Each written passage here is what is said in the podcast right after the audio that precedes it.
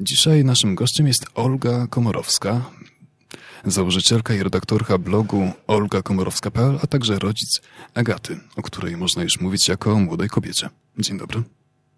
Dobry wieczór. Na pisanie doktoratu zdecydowałaś się, kiedy już miałaś dziecko. Nie jest to często tak. podejmowana w takim czasie decyzja, więc dlaczego pani się na to zdecydowała? E, wynikało to z tego, że czułam strasznie dużą potrzebę, żeby pracować, e, mając dziecko z niepełnosprawnością, bo e, widziałam po sobie, jak na początku przez pierwszy rok, jak poświęciłam całkowicie swoje życie Agacie, że tak dłużej być nie może i po prostu muszę znaleźć pracę ale taką pracę, która będzie w miarę elastyczna i nie będę po prostu od 8 do 16 dzień w dzień, tylko na przykład będę mogła coś przygotować sobie wieczorem, coś w weekendy i tak rozłożyć czas. No i ponieważ no nie jedna osoba już mi mówiła, że ja dobrze przekazuję wiedzę, e, zaczęłam pracować na uczelniach prywatnych, to stwierdziłam, że może spróbuję na Uniwersytecie Gdańskim, ponieważ e, zwolnił się tam wakat, tylko że warunkiem było, e, no, żeby mieć już rozpoczętą pracę doktorską. E, no i to mnie tak pchnęło w tym kierunku.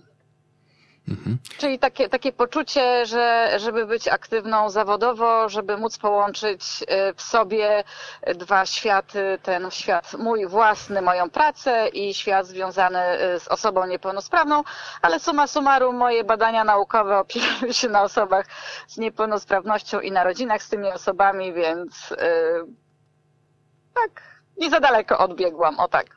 Jasne. I czy w takim razie trudno jest pogodzić te dwie rzeczy?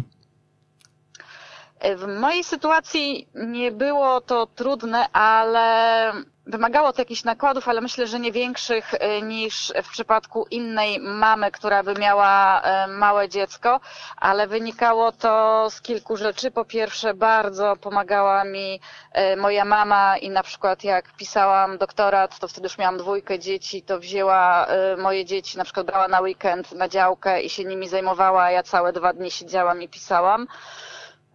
Oprócz tego Agata y, bardzo szybko poszła do przedszkola, a jak poszła do przedszkola, no to ja miałam trochę czasu, czasu dla siebie i y, też mogłam ten czas spożytkować i na pisanie, i na pracę, um, więc udało mi się to połączyć, natomiast no, w przypadku innej niepełnosprawności u dziecka mogłoby być to dużo trudniejsze. Temat zespołu Downa jest Pani szczególnie bliski, nie tylko ze względu na to, że ma Pani córkę z taką niepełnosprawnością, lecz również dlatego, że prowadzi Pani warsztaty z młodzieżą z podobną niepełnosprawnością intelektualną. Na czym mhm. polegają prowadzone przez Panią warsztaty? Mhm. E, te warsztaty prowadziłam przy współpracy z Fundacją Ja też i one polegały na uczeniu y, młodzieży samodzielności. Na przykład y, mieliśmy takie zajęcia z komunikacji, innej z, komu znaczy z komunikacji też były, też prowadziłam, ale tutaj chodzi mi, żeby z poruszania się y, po mieście, komunikacją miejską, tramwajami, SKM-ką i na przykład jeżeli chodzi o tramwaj, no to uczyłam, co, się, co, co można zrobić, jak się na przykład wsiądzie nie do tego tramwaju, co trzeba, albo się wysiądzie na przystanku nie na tym, co trzeba, albo e, że jak się wysiądzie na przystanku, to są tunele do przejścia, bo e, osoby z zespołem Downa mają często problem z orientacją w przestrzeni. I co wtedy należałoby na przykład zrobić, gdzie wyjść, gdzie wejść w tym y, tunelu, na co zwracać uwagę. A jeżeli i był, miałam też takie warsztaty o poruszaniu się po osiedlu, żeby zwracać uwagę na numery bloków, na nazwy ulic. Y, ruszaliśmy z punktu A i prosiłam, żeby obserwowali y, drogę, którą idziemy i potem nie odchodziliśmy daleko i mieli y, zaprowadzić całą grupę z powrotem, jakby odtworzyć trasę, tylko że w drugą stronę. Mm, tak jak mówiłam, też były zajęcia z komunikacji żeby, żeby też potrafili opowiedzieć coś o sobie, razem y, coś zadziałać i y, wspólnie opowiedzieć na jakąś historię. Myślę, że to bardzo ciekawe warsztaty. Czy nadal takie są prowadzone gdzieś w Warszawie? Nie wiem, czy w Warszawie, bo ja, ja jestem z Gdańska i robiłam te warsztaty tutaj w Gdańsku. Mhm.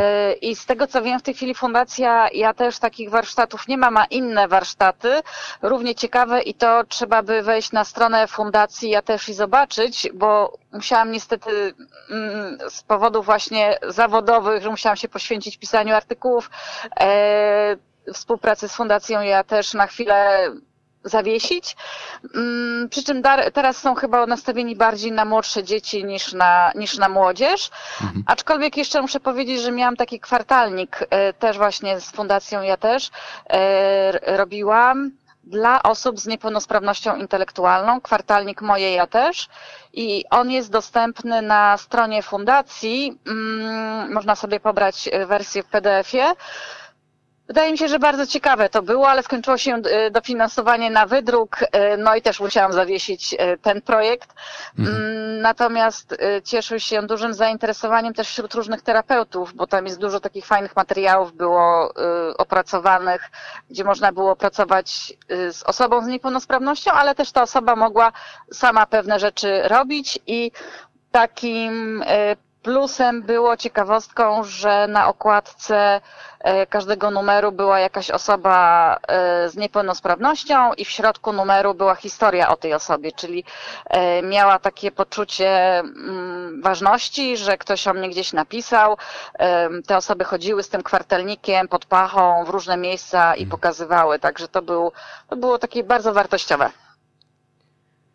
A czy sam fakt, że masz córkę która zmaga się z zespołem Downa, e, pomaga ci zrozumieć e, inne osoby, które zmagają się z tym samym problemem? Mm, tak, jestem przekonana, że tak. E, bo gdyby nie było Agaty, ja prawdopodobnie w ten świat w ogóle bym nie weszła, tylko moja historia życiowa potoczyłaby się inaczej. Mm, a to pozwoliło mi otworzyć oczy i zrozumieć, a że mam taką naturę, że zadaję sobie często pytanie dlaczego, to e, jak Agata na przykład czegoś nie, nie potrafiła zrobić, nie wiedziała jak, to ja się zastanawiałam dlaczego, jak to pomóc, jak to rozwiązać, plus e, to ta moja nazwałabym to w sumie umiejętność uczenia innych. Bardzo mi się tutaj e, w przypadku Agaty przydała, w przypadku prowadzenia tych warsztatów. I też tak zauważyłam u siebie, że ja mam wrażenie, że ja rozumiem dzieci, nawet bardziej niż osoby dorosłe, ale po prostu rozumiem potrzeby dzieci, e, dlaczego tak się zachowują, potrafię jakby zniżyć się, kucnąć i być na wysokości ich wzroku, chodzić na czworaka i, i po prostu w ten sposób nawiązuję z nimi też relacje. Okej, okay, myślę, że to całkiem ciekawa obserwacja. Może porozmawiamy teraz nieco więcej już o samej Agacie. I mhm. może tak od samego początku. Jakie uczucia ci towarzyszyły, kiedy dowiedziałaś się, że twoja Agata będzie miała niepełnosprawność intelektualną? No, był to niewątpliwie szok, aczkolwiek y, pierwszy szok to w ogóle przeżyłam, Bagata przyszła dwa miesiące za wcześnie na świat i to było dla mnie takim dość traumatycznym przeżyciem. To, że ma zespół Downa, ja wtedy nie wiedziałam, e, z czym to się je, z czym to się wiąże. Dzisiaj jest ta wiedza dużo szersza i, i osób z zespołem Downa jest więcej na ulicy, o nich się więcej mówi, są pokazywane w telewizji, więc um, sami rodzice też pokazują dzieci, um, bo chcą, żeby one zaistniały w naszym społeczeństwie. Ja wtedy nie wiedziałam, um, z czym to się wiąże. No i tak po kolei odkrywałam, jak, jak cebulę się odkrywa y, z kolejnych łusek, tak tutaj też odkrywałam z kolejnych y, łusek. Natomiast y, każdy rodzic przeżywa takie chwile, mm, no nazywa się to żałobą, że trzeba jakby przeżyć ten, tą, tą trudną wiadomość i u niektórych trwa to dłużej, u niektórych trwa to krócej. Mm, u mnie trwało to krótko, intensywnie, ale krótko. Y, no i potem po prostu y, zaczęłam żyć z Agatą, śpiewać jej, czytać jej, jak jeszcze była malutka, leżała, to do niej strasznie dużo mówiłam, czytałam jej różne książki, opowiadałam, słyszałam przy tym takie komentarze typu, a po co ty jej czytasz, ona i tak tego nie rozumie. No ja sobie w duszy myślałam, a skąd ty to wiesz, człowieku, e, że nie rozumie. No i potem się szybko okazało, że doskonale rozumie bo pierwszy moment taki, e, takiej świadomości, że Agata rozumie, co ja do niej mówię, to właśnie był związany z książkami. To było dla mnie takie pierwsze naprawdę mega wzruszenie, związane z Agatą, ale nie ostatnie. E, kiedy ją kładłam spać, mówię, wiesz co, młoda, to teraz sobie poczytamy książeczki. I ona się wtedy uśmiechnęła i wyciągnęła rękę w kierunku półek z książkami, więc e, no pokazało to, że dziewczę młode wtedy, małe, zrozumiało, co ja do niej mówiłam i to był taki, taki naprawdę cudowny moment w moim życiu. Mhm. A co powinien usłyszeć każdy świeży rodzic dla zachęty właśnie takiej osoby z niepełnosprawnością intelektualną? Mm, co powinien usłyszeć? No na pewno nie to, że słuchaj, będzie dobrze w życiu, poradzisz sobie. To są takie oklepane frazesy, które nic kompletnie nie dają. Tym bardziej, że ten rodzic jest e, w czarnej dziurze w tym momencie i w rozpaczy często. Natomiast mi na przykład e, bardzo pomogły dwie pielęgniarki, e, które spotkałam jeszcze będąc w szpitalu jedna pielęgniarka przyszła i, i powiedziała mi, no niech pani zobaczy, jaka ja jestem uśmiechnięta, żyję, a mam dziecko y, z, z porażeniem mózgowym, które czeka na mnie w domu. I nie komentowała nic, nie klepała mnie po ramieniu, nic nie mówiła więcej, tylko pokazała, że ona sobie z tym radzi. E, a druga pielęgniarka przyniosła mi mm, czasopismo, nie wiem co to było za czasopismo, ale tam był wywiad y, z jakąś mamą o chłopcu z zespołem Downa i ona mi to dała do przeczytania. I, i mi pomogło nawet nie to, że ja miałam to czasopismo i poczytałam o zespole Downa, tylko świadomość, że ludzie pomagają, że ludzie akceptują, że ja nie jestem z tym sama, że, że to nie jest jakaś tragedia i, i wydaje mi się, że gdybyśmy byli wszyscy bardziej otwarci na niepełnosprawność, na osoby z zespołem Downa, to gdyby matka rodzice mieli taką diagnozę, że, że jest zespół Downa, to nie, nie, nie przyjmowali jej by tak ciężko, jak y, to jest w niektórych przypadkach. Wiemy, że Agata chodziła do przedszkola z systemem Montessori. Czy mhm. mogłaby Pani opowiedzieć e, o tym systemie, czym się charakteryzuje i na czym polegała praca w takim przedszkolu? Mhm. To, to nie było takie w pełni Montessori, to były elementy Montessori i uważam, że to jest rzecz genialna e, dla wszystkich dzieci. Mm, I u Agaty polegało to na tym, że ona była jedynym dzieckiem z niepełnosprawnością w przedszkolu, a nie była w zasadzie tak traktowana przez inne dzieci, dlatego że ona była w klasie, gdzie były w grupie, gdzie były dwulatki, trzylatki, czterolatki, pięciolatki. E, czyli te starsze dzieci zajmowały się młodszymi, ona była wśród tych młodszych, mimo że była troszkę starsza, ale nie było tego tak bardzo widać, że sobie z czymś nie radzi. Nie radzi. Wszystko było taki w sposób bardzo naturalny. No i sam system Montessori też e, jest bardzo fajny, takiej edukacji, tych edukacyjnych i zabawek i samego takiego rozwoju, podążania jakby za dzieckiem e, i to, to wydaje mi się jest bardzo też pomocne. Natomiast właśnie to, że w tej grupie były różne dzieci w różnym wieku, to jest genialna rzecz. I to bym polecała wielu dzieciom i rodzicom. Mhm. Mhm. A jak wyglądały późniejsze etapy edukacji Agaty? Jak była traktowana przez rówieśników?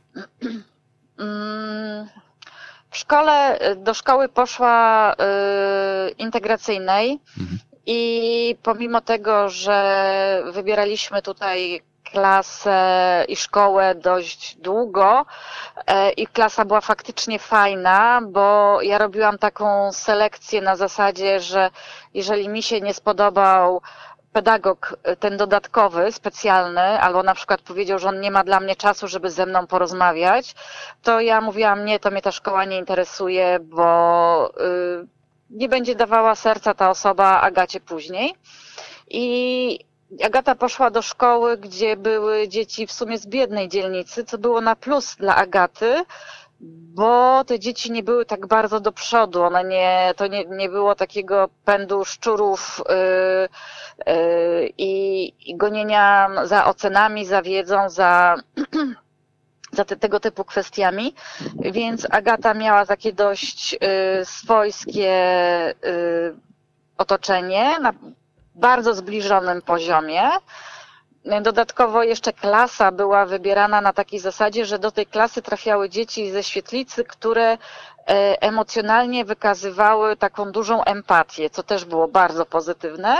No ale to jest Gdańsk, więc tutaj mieliśmy duży wybór szkół, czego może nie być w mniejszej miejscowości niestety. Mm, I pomimo, że taka fajna klasa i Agata była fajnie traktowana przez te dzieci, to była traktowana w zasadzie jako osoba, której się pomaga czyli coś jej spadnie, to jej pomogą, przy ubraniu się pomogą, e, wezmą gdzieś tam za rękę. Natomiast nie było takiej integracji, że Agata była zapraszana przez inne dzieci, tego nie było w ogóle.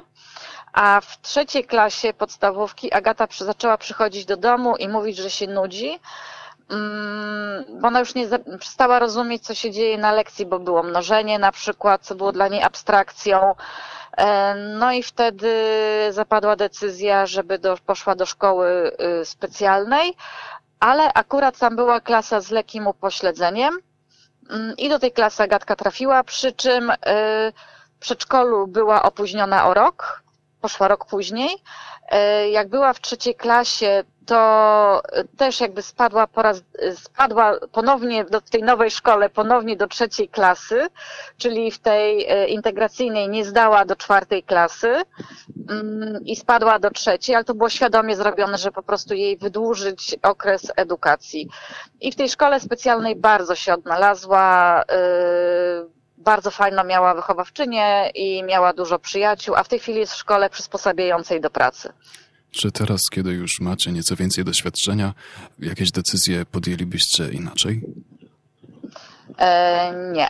Wydaje mi się, że to, co było, e, to było dobre i chyba, chyba, że od razu do szkoły specjalnej by poszła, ale, ale z drugiej strony ta szkoła integracyjna też jej coś pokazała, tak, bo pokazała jej taki świat, o, no nie nazwę to normalny, bo to też nie, nie jest jakby taka norma, ale jakby inne pewne schematy, inną wiedzę, inny przekaz, inne doświadczenie, bo ja uważam, że naszym dzieciom trzeba bardzo dużo pokazywać, wyjaśniać, e, nie do końca chronić, bo bardzo często rodzice bardzo chronią swoje dzieci aż za bardzo i one wtedy nie mają doświadczeń życiowych i się nie uczą.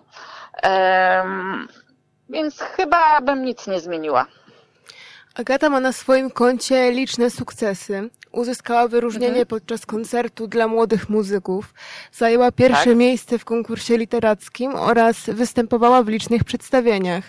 E, co tak? pani czuje, gdy słyszy o sukcesach i przede wszystkim widzi sukcesy, które odnosi pani córka? Mm, dumę, dumę z Agaty. Yy Natomiast e, był jeden sukces, na którym się poryczałam, ale naprawdę się poryczałam, bo te sukcesy to są takie, mm, no nazwałabym szkolne sukcesy, ale miała jeden sukces na zewnątrz, w takim świecie e, ludzi pełnosprawnych, bez takiej ochrony jakby nałożonej.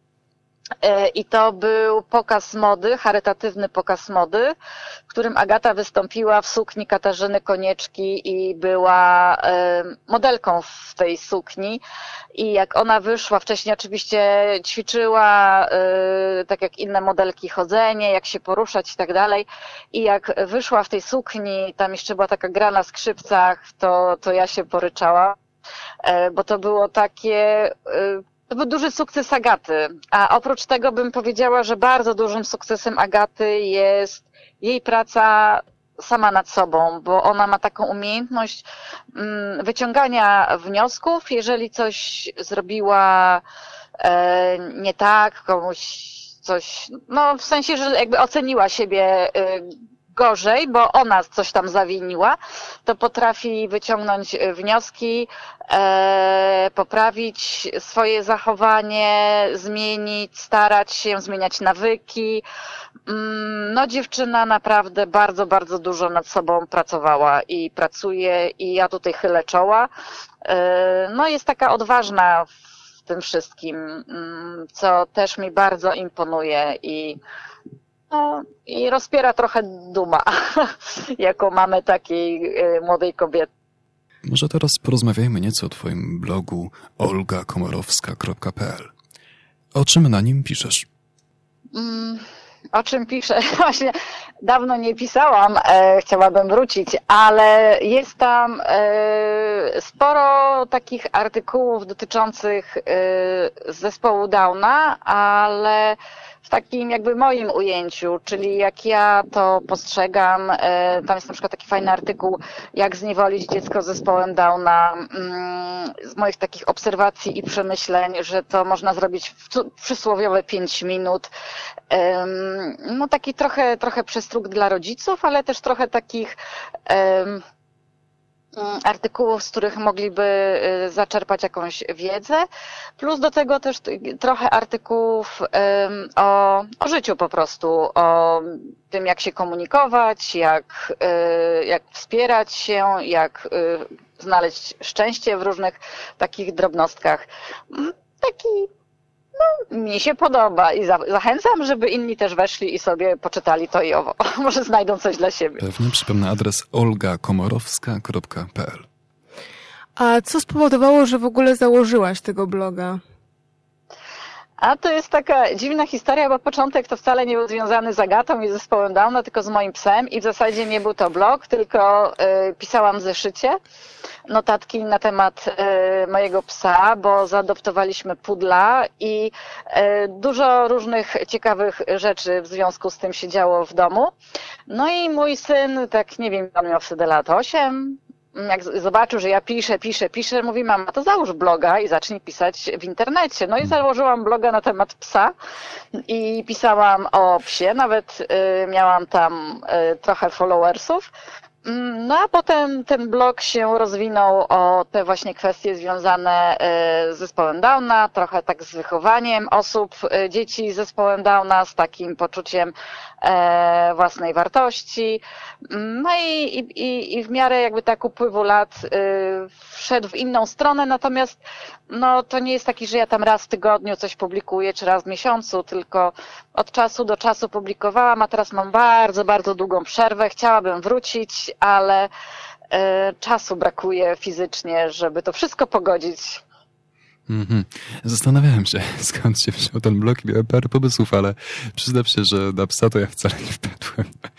Dobrze. No taka, taka dziwna historia właśnie. Tak. Bardzo zaskakująca. E, a czy, czy uważasz, że takie blogi są potrzebne? Mm, zależy, ale blogi y, y, rodziców, którzy piszą na temat swoich dzieci, czy blogi Mam na myśli takie... ogólnie o zespole Downa. Ogólnie o zespole Downa. To znaczy...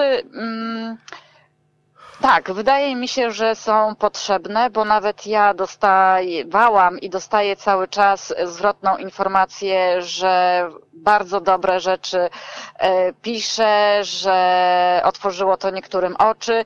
Teraz nawet więcej może niż na blogu, to jestem na Instastory na Instagramie i puszczam to też na, na Facebooka. No i mm, taki feedback dostaję, że, że to jest bardzo wartościowe i potrzebne, mm, bo ja nie ukrywam, że czasami mam inne trochę spojrzenie niż inni na pewne kwestie. Mm, można się z tym zgadzać, można się nie zgadzać oczywiście, ale inaczej na pewne rzeczy patrzę.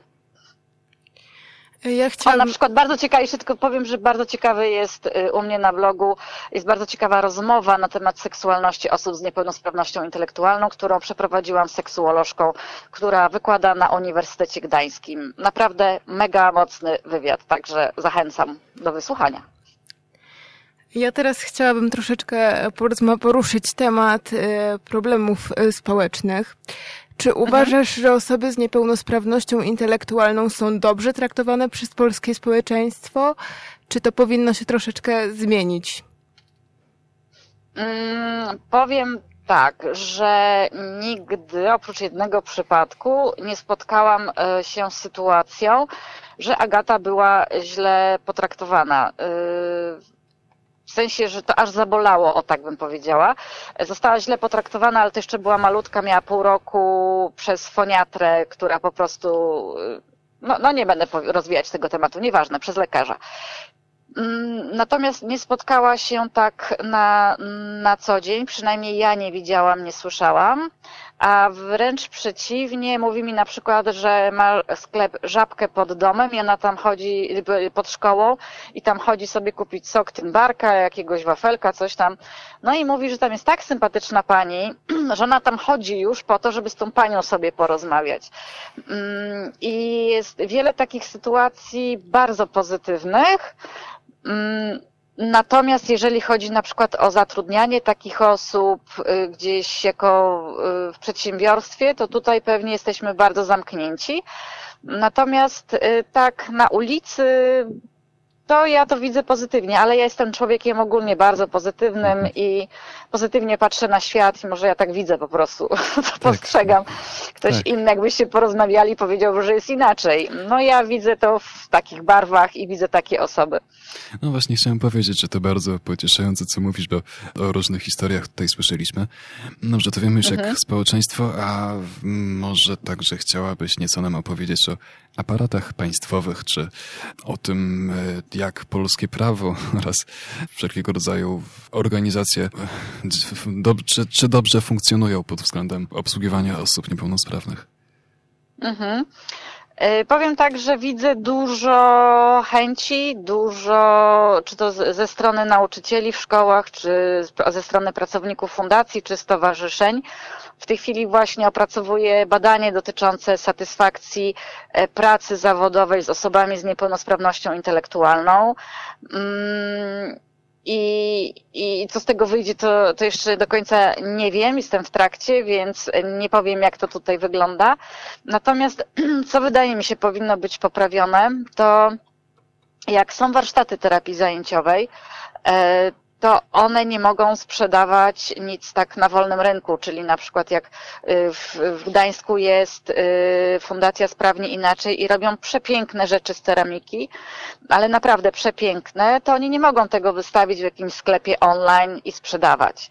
E, tylko na jakichś straganach, y, u siebie na przykład w, w samej fundacji w jednym jakimś tam pokój sobie zrobią i można tam przyjść i to kupić. A to nie o to powinno chodzić, bo te osoby y, z niepełnosprawnością intelektualną chciałyby mieć poczucie, że zrobiły coś fajnego, coś potrzebnego, że zarabiają na przykład sprzedając jakieś swoje rzeczy, których miały swój udział, że te rzeczy są sprzedawane i, i mamy jakiś zysk i w tym momencie przeznaczamy ten zysk na przykład na coś tam, tak? Czyli uczą się y, też takiej samodzielności, zaradności przez to. Mm, a tego nie ma. Na przykład w Niemczech coś takiego jest y, i jeszcze dodatkowo w Niemczech jest też taka fajna rzecz, że firmy mają obowiązek, y, nie wiem jaki procent muszą przeznaczyć dochodu czy przychodu, tego też nie wiem, ale jakiś procent pieniędzy muszą przeznaczyć na zakupy właśnie w takich organizacjach typu warsztaty terapii zajęciowej, czego u nas nie ma. A powinno być na przykład. I w tym momencie y, firmy by wspierały tego typu instytucje. W tych instytucjach ludzie, którzy pracują, mieliby poczucie sensu swojej pracy, rozwijaliby się. Te osoby z niepełnosprawnością również e, rozwijałyby się, miałyby poczucie sensu i to by wszystko szło do przodu. Tego mi brakuje. Znaczy, z tego co słyszałem, to jest coś może nie do końca takiego, ale w tym stylu, bo jak wiadomo, w, w Polsce musi, każda firma musi płacić pewne składki na PEFRON, czy jak to mhm. się zechce nazwać. Tak. I jeżeli że kupuje artykuły u, właśnie, nie, nie, pamiętam dokładnie jak to działało, ale u jakiejś firmy wskazanej przez PEFRON, w której jest duża liczba osób z niepełnosprawnościami, to te składki są jakoś mniejsze. Dokładnie nie pamiętam, niestety nie znam się na tym, ale coś takiego kiedyś słyszałem, więc może... W... E tego nie wiem, nie powiem, o tym nie słyszałam, sprawdzę to z ciekawości, natomiast mhm. nie jest to robione na jakąś taką większą e, skalę, bo gdyby było, to no bym tak. chyba o tym słyszała, pewnie, więc pewnie. sprawdzę to z ciekawości, jak to wygląda. Dobrze. Mhm. Czy słyszała może Pani o takim programie Down the Road? Tak, oczywiście. I jeżeli tak, to e, co pani sądzi o tego typu produkcjach?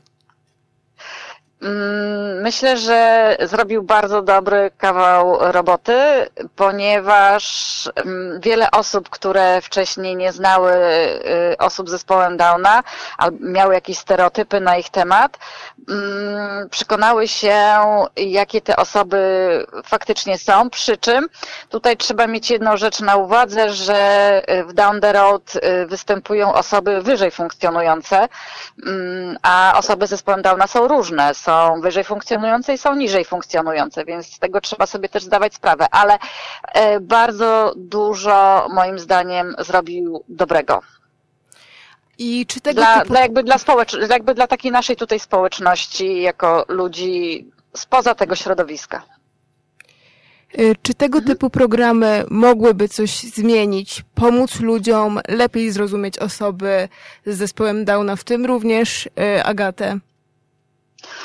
Tak, y, wydaje mi się, że tak, y, dlatego że jeżeli my kogoś nie znamy, nie rozumiemy jego zachowania, a osoby z niepełnosprawnością intelektualną czasami zachowują się e, inaczej, nieprzewidywalnie. Jak się pójdzie na przykład do szkoły Agaty, no to można zobaczyć różne e, zachowania, różne sytuacje, których tak na ulicy się nie zobaczy. Więc jeżeli ktoś nie zna osób z niepełnosprawnością intelektualną, mm, no to poprzez tego, że nie rozumie, może się bać, może okazać strach, gniew, y, bo jest to coś, ktoś, y, czego nie ogarniam, więc odsuwam się od tego. A taki program z takimi emocjami, bo tam jest przecież bardzo dużo emocji, y, przybliża nam, takiemu przeciętnemu człowiekowi, świat osób z niepełnosprawnością, pokazuje, jak one myślą, e, w jaki sposób się zachowują. Tak, jak najbardziej tak. A może ma Pani jeszcze jakieś pomysły, w jakie inne sposoby można dokonywać tego dzieła? Mm, w jaki inny sposób? No na przykład y, tak jak jest na zachodzie, że idzie się do kawiarni, do restauracji i jest się obsługiwanym przez osobę y, z niepełnosprawnością intelektualną, albo jest ona gdzieś tam obok. U nas, żeby coś takiego się zadziało, to trzeba pójść do specjalnej kawiarni, y, która została otwarta przez spółdzielnię i wtedy w tej, tej kawiarni będą takie osoby. Ja tam idę do takiej kawiarni, bo wiem, że te osoby tam spotkam, więc idzie pewien typ ludzi do takiej kawiarni a to powinno być na takiej zasadzie, że ja idę gdzieś, nie wiem, gdzieś na osiedlu i w tej kawiarni właśnie jest osoba z zespołem Downa i to jest yy, i to po, na takiej zasadzie, że to się zrobi dla nas taki normalny, powszedni obrazek.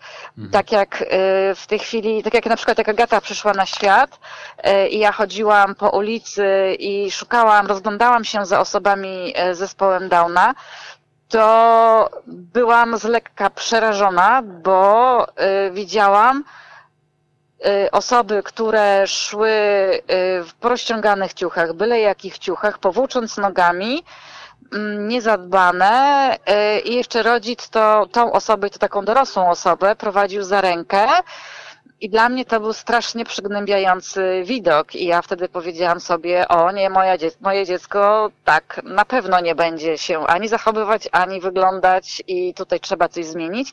A dzisiaj, y, jak się patrzy na osoby z zespołem Downa, to zupełnie inaczej wyglądają. Także to jest y, zmiana 20 lat minęło. Mm, inny taki przykład fajnej działalności to jest Europejskie Centrum Edukacji Kulturalnej Osób Niepełnosprawnych w Gdańsku, tak zwany ECEKON, e, w którym osoby z niepełnosprawnością intelektualną uczą się grać. I potem y, występują w różnych miejscach. I, i to jest taka integracja poprzez kulturę na przykład. E, przepraszam, tutaj, bo ja jestem e, z psem i, i pies spotkał drugiego psa i tutaj mhm. zaczął szczekać.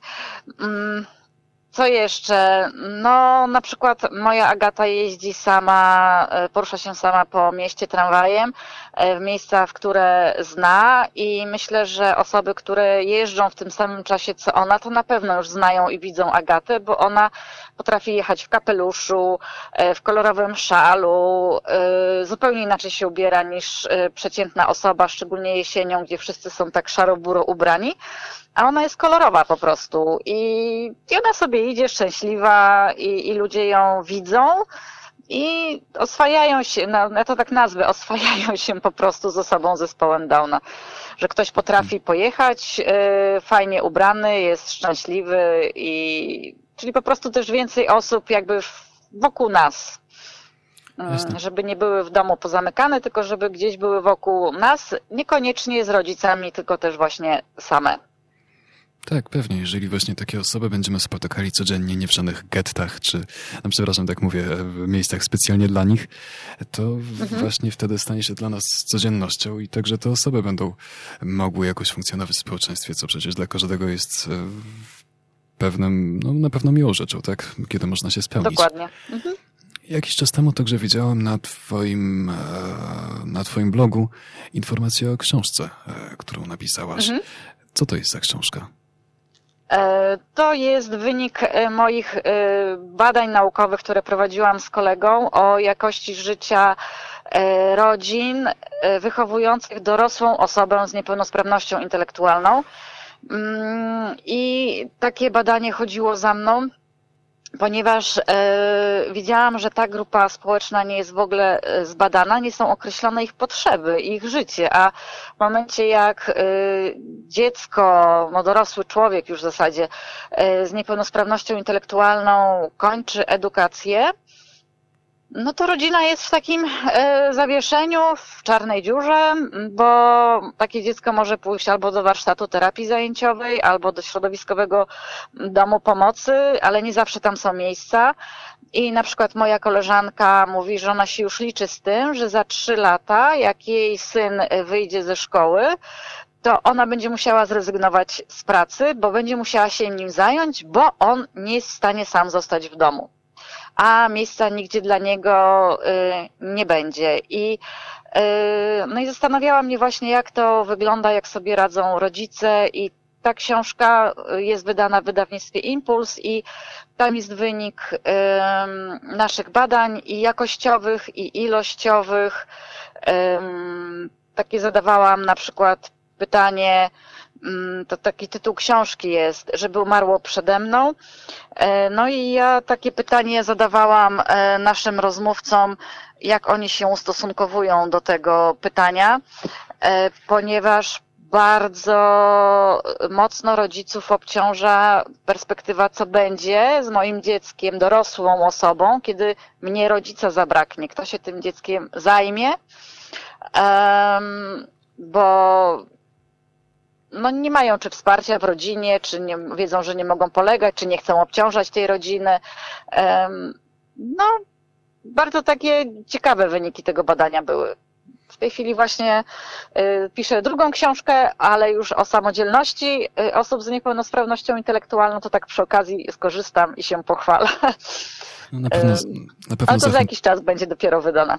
Tak, na pewno zachęcamy wszystkich naszych słuchaczy, żeby e, sięgnąć po tę książkę, jeżeli oczywiście interesujecie się tym tematem.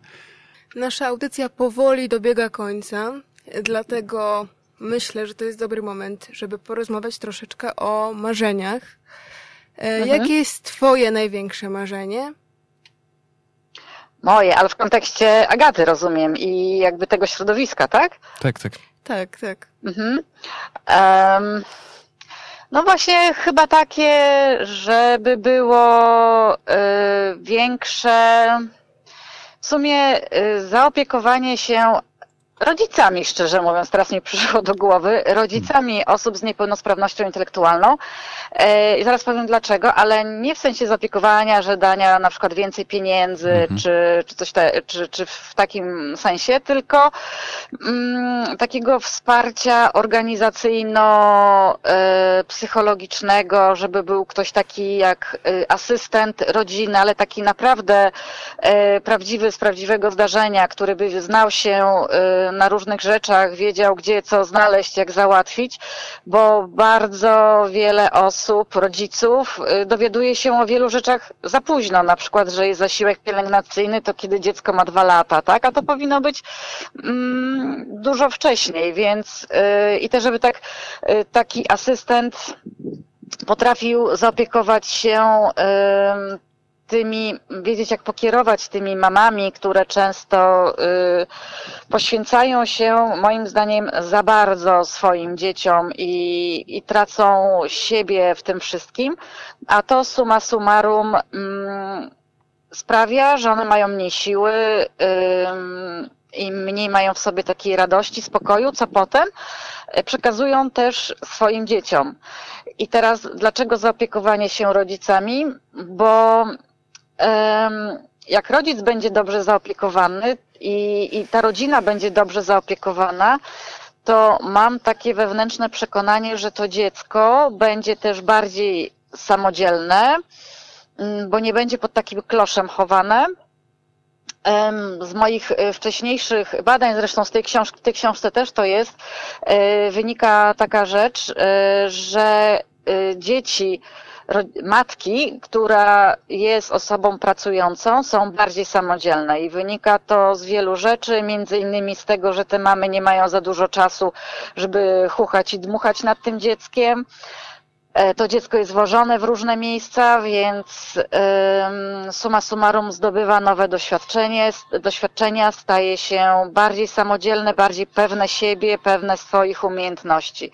E, więc to jest takie moje marzenie, żeby ta, te rodziny były zaopiekowane właśnie w takim szerszym, dużo szerszym aspekcie niż jest teraz. A jeśli chodzi o marzenia twojej córki, Agaty, to jakie jest jej największe marzenie? No, jeżeli się nic nie zmieniło, bo to, to mogę powiedzieć, że jej marzeniem jest, żeby mieszkać kiedyś e, samodzielnie, bez mamy, e, ze swoim chłopakiem i y, myślę, że też y, wzięcie udziału w jakimś takim fajnym pokazie mody, w, sesji zdjęciowej, ponieważ Agata, oprócz tego, że się fajnie, ciekawie ubiera i ma takie naprawdę zestawienia, jak tworzy, to ja się od niej uczę i to powtarzam już od dawien dawna, to ona też ma taką umiejętność y, pozowania, jest taka naturalna przy tym. I ona to lubi. Ona uwielbia pozować, mogłaby to robić pół dnia, cały dzień i nie byłoby dziecko w ogóle zmęczone. Mm, I też lubi, jak jest w centrum takiego zainteresowania, taki blisk koło niej, więc y, to by było dla niej takie dobre miejsce. Myślę, że tak, że to są takie dwa jej y, marzenia. Dobrze, w takim razie bardzo dziękujemy pani Oldze Komorowskiej i naszym słuchaczom. Dziękuję również. E, zachęcamy do zajrzenia e, na e, i do zaobserwowania, do zaobserwowania naszego profilu możliwości niepełnosprawności na Facebooku i Instagramie. Przypominamy, że można nas słuchać na takich platformach jak YouTube, Spotify, Apple Podcast, Google Podcast, Breaker i Anchor. Nagranie tej audycji pewnie pojawi się gdzieś w sobotę. Zobaczę. Jeszcze nie mówiliśmy tego dotąd, ale wszystko skłania się ku temu, że nasza audycja zostanie zawieszona na dłuższy czas. E, kiedy się odrodzi i gdzie, to niestety nikt z nas nie ma jeszcze pojęcia oraz w jakiej formie, ale na pewno damy Wam znać na Facebooku i na Instagramie i na naszej grupie na Facebooku i wszędzie, gdzie tylko można o nas usłyszeć, więc po prostu obserwujcie nas dalej. No i mam nadzieję, że się jeszcze usłyszymy. Pożegnamy Was utworem